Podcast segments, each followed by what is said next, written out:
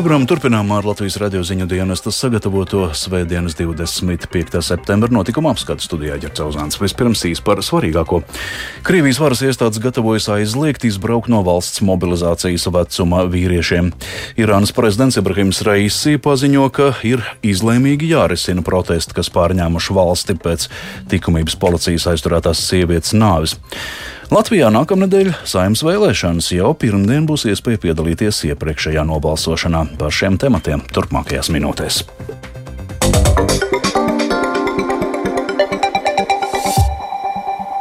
Tīmekļa izdevums Medūza, atsaucoties uz avotu Kremlī, vēstīja, ka iespējams no 28. septembra izbraukt no valsts būs aizliegts mobilizācijas vecuma vīriešiem.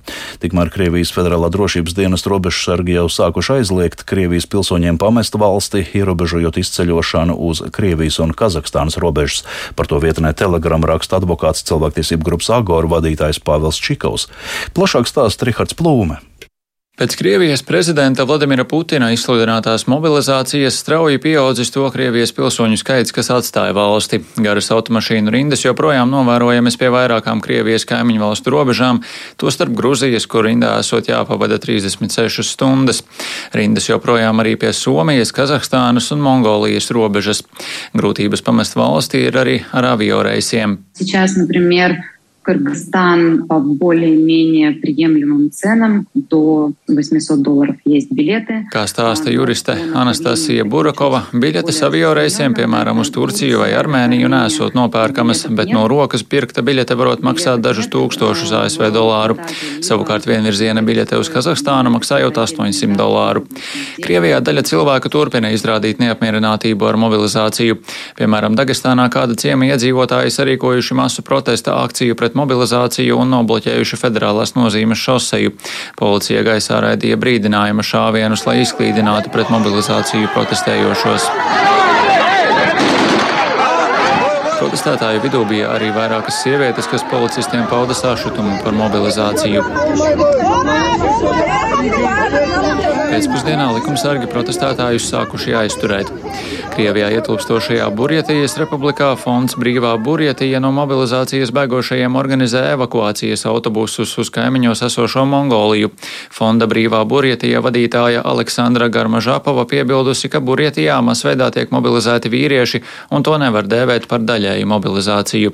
Divi Krievijas prezidenta administrācijai tuvi avoti tīmekļa izdevumam Medūza norādījuši, ka Krievijas varas iestādes gatavojas aizliegt izbraukt no valsts visiem vīriešiem mobilizācijas vecumā.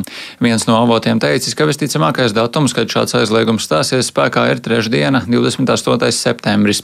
Otrs avots sacījis, ka aizliegums stāsies spēkā pēc pseido referendumiem par pievienošanos Krievijai, kas tiek rīkoti Krievijas okupētajās Ukrainas teritorijās. Pseido referendumu pēdējā diena ir otrdiena, 27. septembris. Avots piebildis, ka izbraukšanai no valsts vīriešiem būs jāsaņem kara komisariāta atļauja. Tikmēr no sociālajos tīklos atrodamajiem video materiāliem secināms, ka mobilizēto vidū ir arī daudz vīriešu, kas uz fronti dodas labprāt un atklāti vērš pret Ukrainu un tās tautu naidīgus izteicienus. Plaši izplatīta šķiet joprojām ir arī alkohola lietošana mobilizēto vidū. Savukārt Ukrainā dienvidu ostas pilsētā Odesai naktī atkal uzbrukuši Krievijas armijas rīcībā esošie Irānā ražotie bezpilota lidaparāti. Droni kamikādzes trāpījuši administrācijas ēkai, taču cietušo nesot. Kieva šonadēļ nolēma samazināt Irānas diplomātisko klātbūtni Ukrainā saistībā ar bezpilota lidaparātu piegādi Krievijai. Ukrainas bruņotie spēki diennakts laikā iznīcinājuši astoņus Irānā ražotos dronus. Ukrainas militāra personas šorīt paziņoja, ka pēdējo 24 stundu laikā pret militāriem un civiliem objektiem Ukrainas dienvidos notikuši desmitiem raķešu uzbrukumu un gaisa triecienu, tostarp 35 apdzīvotām vietām. Ukrainas īslaicīgi okupēto teritoriju reintegrācijas ministre Irina Vereščuka šodien izteikusies, ka Krievija gūstā tur 2500 ukrāņu, tostarp daudzus civiliedzīvotājus, kuru vidū ir daudz sieviešu. Vereščuka uzstāja, ka Krievijai ir jāatdod civiliedzīvotāji, nevis tie jāapmaina. Rihards Plūme, Latvijas radio. Irānai ir izlēmīgi jārisina protesti, kas pārņēmuši valsti pēc tā dēvētās likumības policijas aizturētās sievietes nāves. Par to paziņoja Irānas prezidents Ibrahims Reisī. 22 gadus vecās Mahsas Aminī nāve policijas apcietinājumā izsaukusi valsts mēroga sašutumu par personiskās brīvības ierobežojumiem Irānā, stingrajiem sieviešu ģērbšanās noteikumiem un ekonomikas stāvokli. Valsts televīzija apgalvo, ka nedēļu ilgajos nemieros dzīvību zaudējuši vairāk nekā 40 cilvēku. Turpina Rihards Plūme.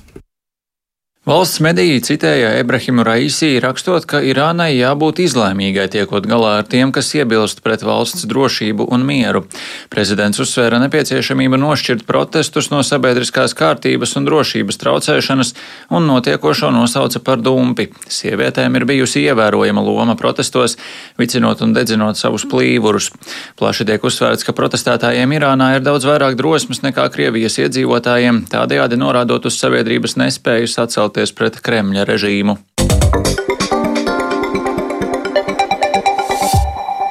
Kopš pirmdienas, kad stājās spēkā valdības noteiktie ierobežojumi un Krievijas pilsoņi Schengens īstermiņa vīzu turētāji Latvijā vairs nedrīkst ieceļot ar nebūtiskiem mērķiem, iebraucēju skaits ir samazinājies par 26%. Tā Latvijas radio pastāstīja valsts robežsardzes priekšnieks Gonts Pujāts.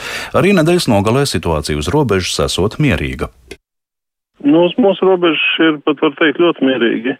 Iebraucēju skaits ir samazinājies, ja salīdzinu, kā tas bija pirms 19. pat 26%, un piecas reizes mazāks nekā Lietuvā un Igaunijā.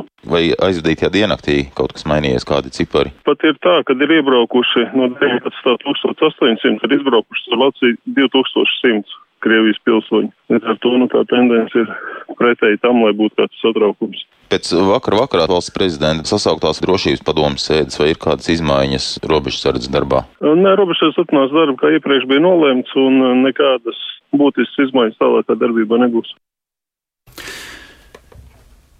Šogad vairāk nekā divi tika palielinājušies uzņēmumu Rīgas meža tēriņu par atkritumu nodošanu, lai mežus attīrītu no atkritumiem, jau iztērēti te jau 110 tūkstoši eiro. Tādēļ nākamnedēļ rīkos kampaņu vidas piesārņojuma samazināšanai.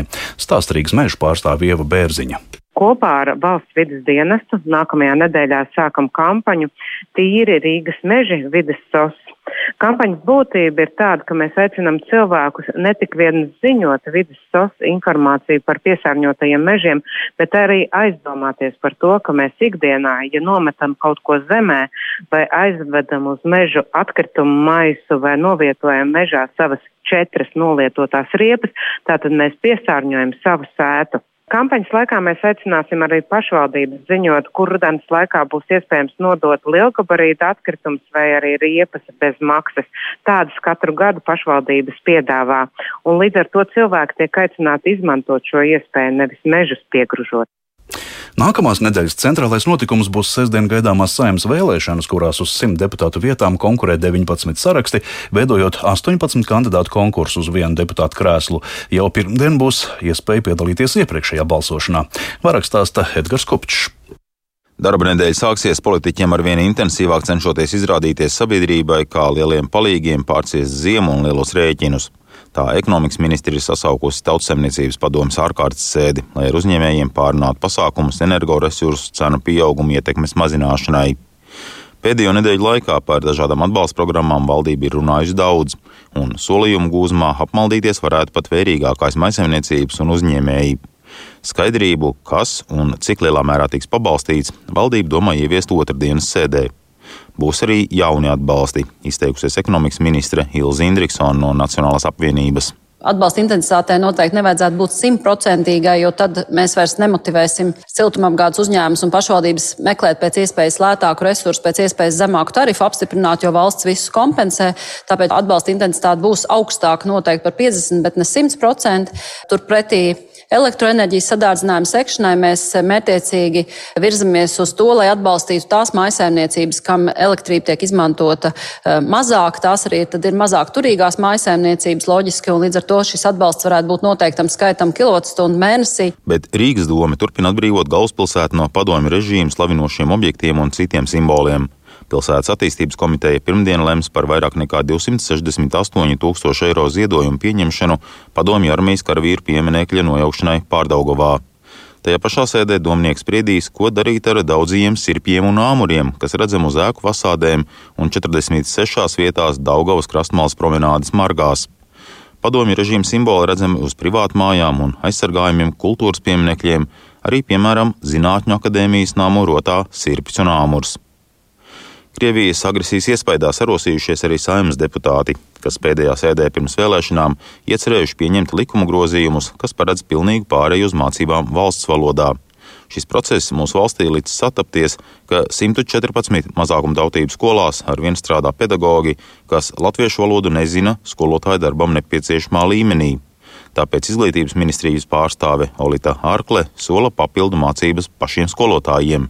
Ministrija plāno kampaņu par pārēju uz mācībām valsts valodā un adresāts būs skolēni, vecāki, pedagogi, skolu vadība. Mēs plānojam arī atbalstu pedagogiem un īpaši jau no šī mācību gada pirmsskolas izglītības pedagogiem. Valsts valoda turpmāk būs vienīgā arī ceļu satiksmes drošības direkcijā, kas no nākamās sestdienas vadītāju kvalifikācijas eksāmenus nodrošinās tikai latviski.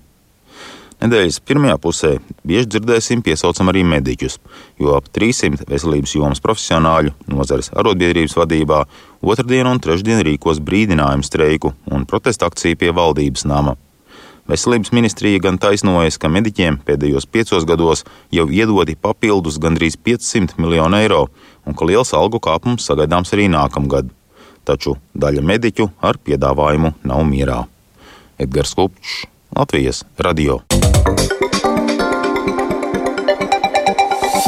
Un turpinājumā pievēršamies aktualitātēm sportā. Par tām gatavs pavēstīt kolēģis Mārs Bergs. Sveiks, Māri! Sveiks, Girts, sveicināt klausītāji. Jā, futbola izlase Latvijas pirms aptuveni pusstundas noslēdz UEFA Nāciju līgas spēli Andorā un nospēlēja neizšķirtu 1-1. Kā vērtē šīs dienas spēli? Jā, nu, godīgi sakot, eh, nav par ko priecāties. Spēle bija patiešām nebaudāma. Mūsējiem momentu maz piespēles, ļoti neprecīzas, daudz atdāvinātu bumbu pretiniekiem. Un vienīgais mūsu pašu vārtu gūms Vladislava Gutkauska izpildījumā tas bija pēc rūpjas andoriešu kļūdas. Nu, jāsaka gan, ka mūsējie atbildēja ar tādu pašu dāvanu, kad Pāvils Steinbors vārdsargs ļoti nekvalitīvi apstrādāja bumbu. Pretinieks to redzēja, presingoja, izsita bumbu, un um, tad arī Andoras futbolistam to atlika tikai ieripināt pilnīgi pilnīgi tukšos vārtos. Labā ziņa ar neizšķirtu mums pietiek, lai uzvarētu grupā un pakāptos augstāk uz cēlīgu, taču spēles kvalitāte tieši pēdējos divos mačos tagad septembrī atkal liek uzdot daudz jautājumu par Latvijas futbolu. Beigās mūsējie ļoti acīm redzami arī vilka laiku, kas spēlē pret tādu komandu kā Andora, protams, godu nedara. Ģirt. Jā, rītpusē Aļona Stapenko aizvadīja fināla Seulā, Emīls Liepiņš startēja pasaules čempionāta grupas braucienā Austrālijā. Kā viņiem sekmējās? Jā, Aļonē Ostapenko šodien Seulā zaudējums divos setos. Mača gaitā gan viņa iedzīvojās savainojumā, un otrā seta vidū Ostapenko jau bija jāprasa medicīniskais pārtraukums. Tajā pārtraukuma laikā ārste darbojās ap tenisistes labo pēdu. Ostapenko spēli nospēlēja līdz galam, taču viņa vairs nespēja rādīt savu pilnvērtīgo sniegumu. Emīls Liepiņš šoseis riteņbraukšanā atradās dienas atrāvienā un bija līderu grupā, un vēl 50 km pirms finiša viņš pat ieņēma piekto vietu. Nu, diemžēl brauciena beigās Emīlam gan spēka pietrūka, un viņš finišu sasniedza 58. vietā. Tiesa, tas ir diezgan likumsakarīgi, jo viņš bija vienīgais Latvijas sportists, kamēr citu valstu komandas ieradās ar vairākiem riteņbraucējiem, un viņi tad arī varēja sastrādāties kopā, kamēr Emīlam bija jācīnas vienam pašam. Ģirt? Jā, nu, vai šovakar vēl kādas svarīgas sacensības? Jā, Latvijas motocross izlase ASV šovakar piedalīsies prestižajā nāciju kausā motocrossā. Vakar kvalifikācijā mūsējā 18. vietā. Nu, jācer, ka šodien trasējies labāk. Pirmais sacensību brauciens ASV šovakar plānots 8. vakarā pēc Latvijas laika, un fotografijas no trases liecina, ka varētu būt diezgan dubļaini. Vismaz pēc vietējā laika no rīta trase bija tiešām ļoti, ļoti dubļaina un slāpja. Bet šobrīd man tas arī viss. Jā, paldies Mārim, Māris Bergs par aktuālo sportā. Thank you. Līdz ar to arī skan Svētdienas 25. septembra notikuma apskats. Producents Edgars Kupčs, par labskaņu rūpējās Kaspars Groskops un Mārtiņš Paeglis studijā Ģercauzāns. Vēl īsi par svarīgāko. Krievijas varas iestādes eh, gatavojas aizliegt izbraukt no valsts mobilizācijas vecuma vīriešiem. Irānas prezidents sola izlēmīgi risināt protestus, kas pārņēmuši valsti pēc likumības policijas aizturētās sievietes nāves. Nākamnedēļ Latvijā saimas vēlēšanas gaidāms arī vairākas militārās mācības un lēmumi par atbalstu iedzīvotājiem ziemā.